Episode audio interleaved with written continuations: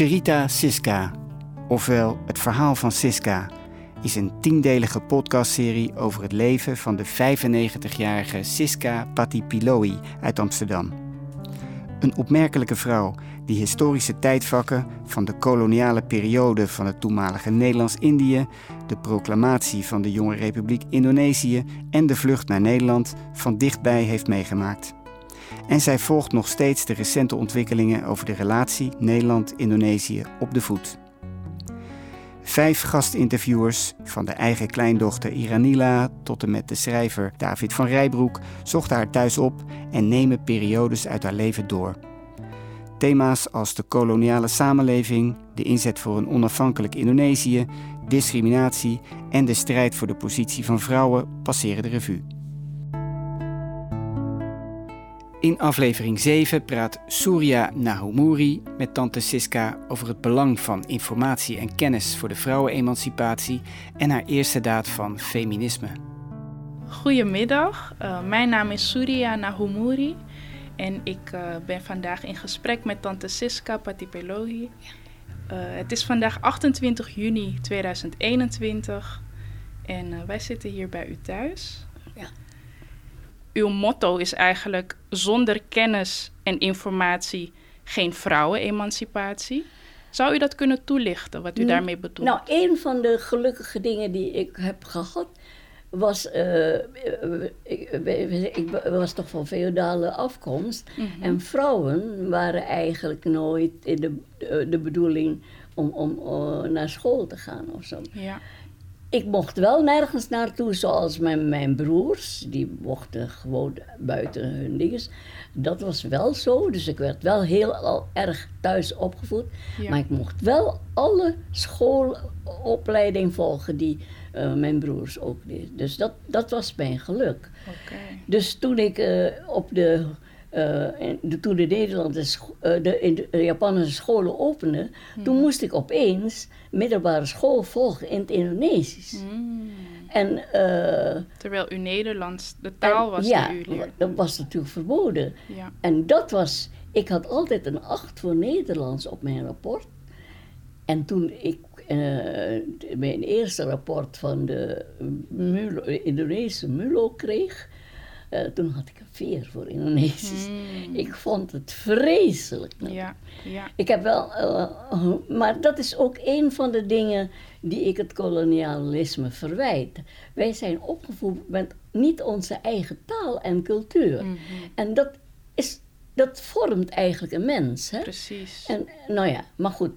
Mijn vader was een heel erg uh, leesgek. Ja. En uh, toen hij dus, ik zei, toen hij uh, trouwde op zijn dertigste, had hij dus dat huis en die auto. Maar hij had ook al een eigen kleine bibliotheek. Mm. Met allerlei interessante boeken. En, uh, en ik was ook al van heel klein. Dus ik mocht wel niet weg, maar dan kocht hij voor mij al op Vendusis allerlei kinderboeken. Dus Aha. ik was al heel jong ook met literatuur op. Precies, want als we dan teruggaan naar uw motto van zonder kennis en informatie geen, geen vrouwenemancipatie. Toen ik in de tweede klas HBS zat, toen dacht ik, ik ga nooit trouwen. Ah. Want vrouwen mogen niet. Mijn moeder had zo'n goede opleiding gehad. Ze, ze had zo'n goede baan enzovoort. En ze trouwde op haar 23ste jaar en dat was helemaal weg. Ze had wel een fantastisch huis met mm. bedienden en weet ik het wat. Maar en ik dacht ik, waarvoor ga ik dan zo'n leuke opleiding doen? Ja. Ik trouw nooit van mijn leven. Dat, dat, dat was eigenlijk mijn pre-feministische idealen. Hè? Hmm. En, en u geeft ook aan dat u uw eerste daad van feminisme was: ik ga niet trouwen, want ik zie wat de invloed kan zijn van trouwen en dat opleiding dan helemaal niks meer waard wordt. Wat heeft u nog meer? Uh... Maar ook wat ook, ook opleiding is belangrijk. Ook opleiding, oké. Want een heleboel van mijn uh, moeders mm nichten, die zagen er heel erg mooi uit. Ja. Uh, van broers en van haar moeder.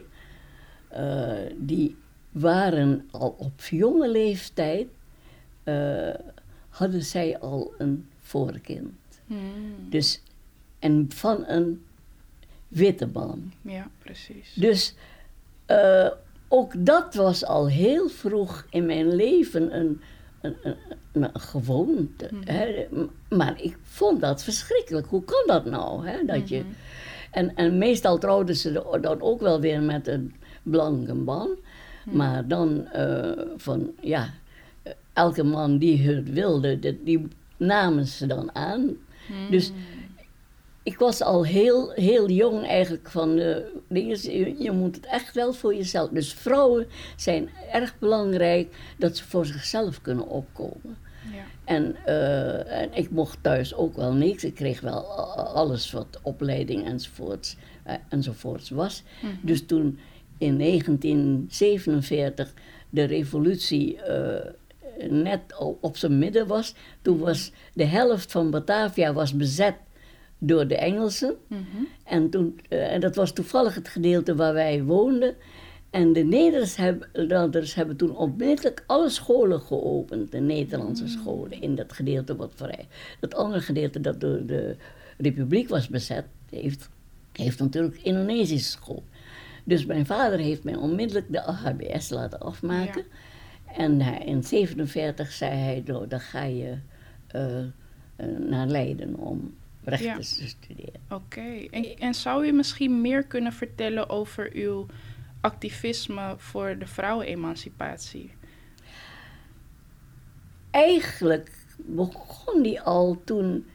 Uh, het was ook al zo, zo bijzonder. In Leiden waar, had de Nederlandse overheid. Uh, om toch maar te proberen uh, ergens vaste voet in de republiek te krijgen, hadden ze 40 Malino-beurzen uitgereikt aan studenten die in Leiden studeerden. Dus uh, het waren wel republikeinen, maar er waren maar op de 40 waren er geloof ik misschien vijf vrouwelijke studenten.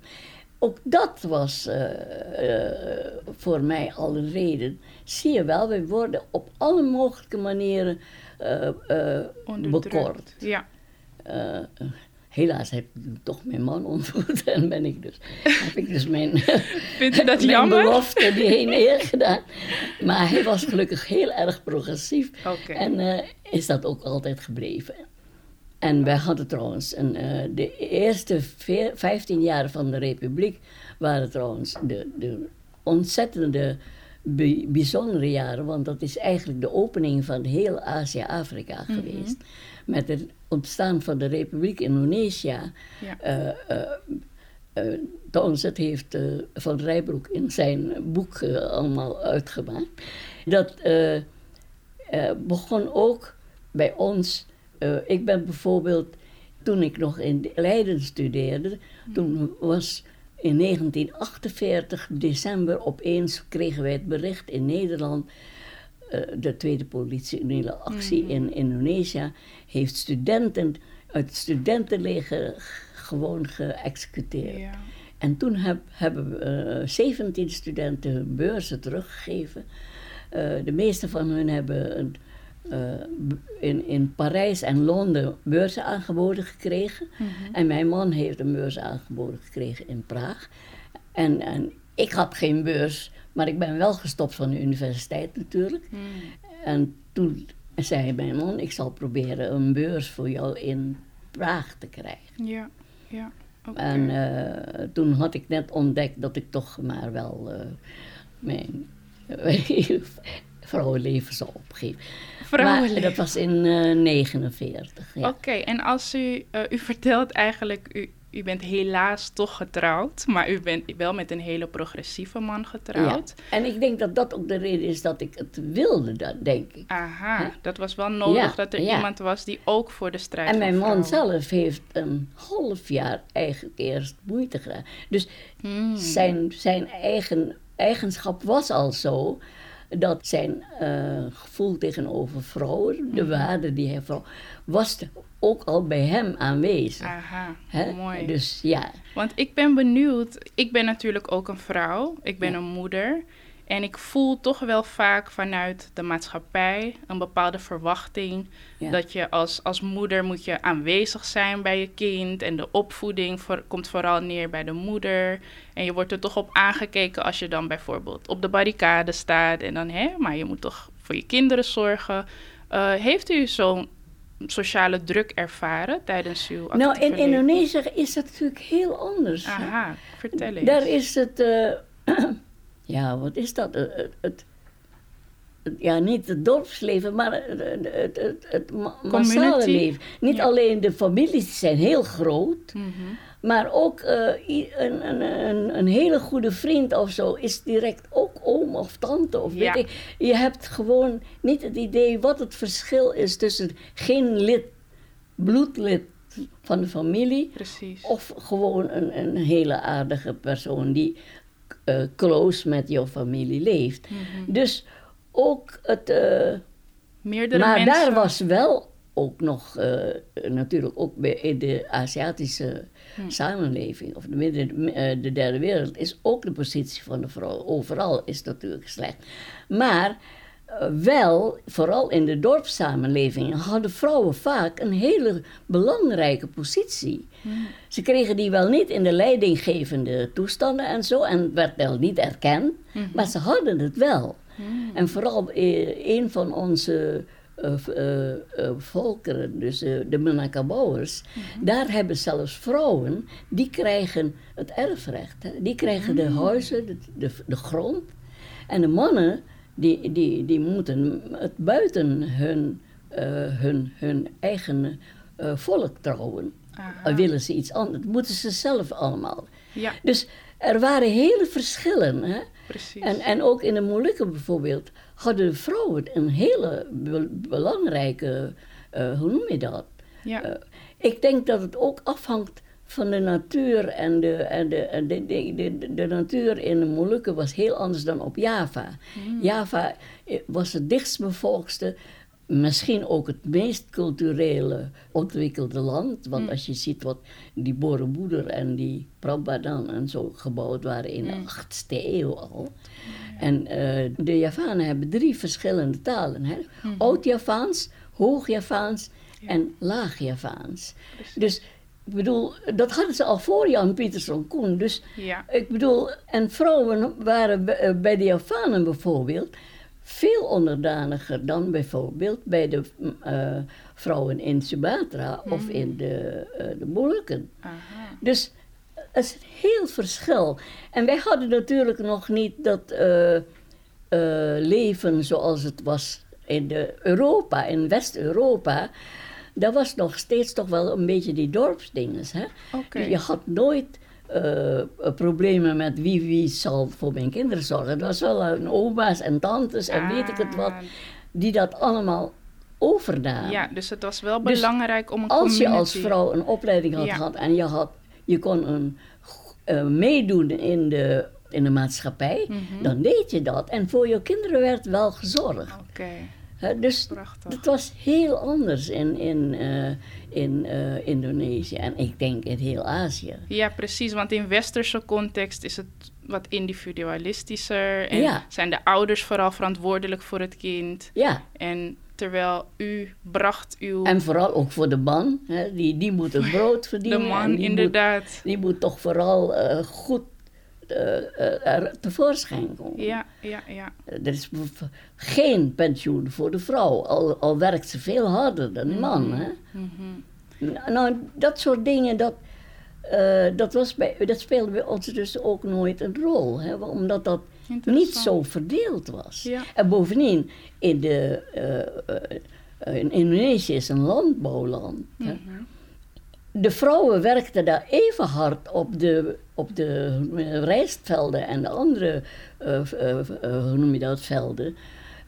Ik geloof zelfs in, in de bouw, zei mijn vader toen hij in Bali voor de KPM een bouw moest zei hij, daar staan vrouwen daar stenen op te dragen naar de bouwputten enzovoort. Precies. Dus het verschil tussen de plaats van vrouw en man Ja. is heel anders. hè. Mm. En dus ook ten opzichte van de kinderen natuurlijk. Wel, de man-vrouw was natuurlijk wel specifiek. En in eh, leidende functies en, en, en als erkenning uh, hadden vrouwen natuurlijk geen plaats. Nee, precies. Dus dat was maar ook... ze werden wel nodig en Ja. ze werden ook gebruikt. Mhm. En hoe belangrijk is de rol van vrouwen in het doorbreken van al die hiërarchieën en eigenlijk dat kapitalistische systeem? Er zijn zelfs, bijvoorbeeld op, eh, op de Molukken is zelfs een revolutionaire vrouw geweest. Hè? Ja. Eh, Weet u haar naam? ja, Christina ja, Batiha Yahu. Ja. er is ook een, Een eh, monument van ja, haar. een monument, ja. En, eh, maar ze is uiteindelijk gevangen genomen. Mhm. En, eh, en eh, is heel zielig naar Batavia gebracht. En ze is geloof ik onderweg eh, op de boot overleden of Mm. zoiets. En ook in, eh, in Java waren er vrouwen. En in Sumatra. Die, Ja. bijvoorbeeld uh, Chuk Nadine hè, van Mhm. Aceh. Mhm. die toen haar man vermoord werd, ook nog jarenlang in de oerwouden de, de leiding had van de strijd tegen de Nederlanders op Aceh eh, laten overwinnen. Want waar ging het om? Dus de knil hielp dus de Nederlanders om de Atjers te bestrijden, Ja. omdat de Atjers hun pepermonopolie niet wilden opgeven aan de Nederlanders. Hmm. Daar ging de Atje-oorlog om. Het ging niet om een opstand. Nee, precies. Ja. Het is allemaal... En in Bali eh, was ook een vreselijke oorlog. Mhm. Daar ging het om het eh, opium.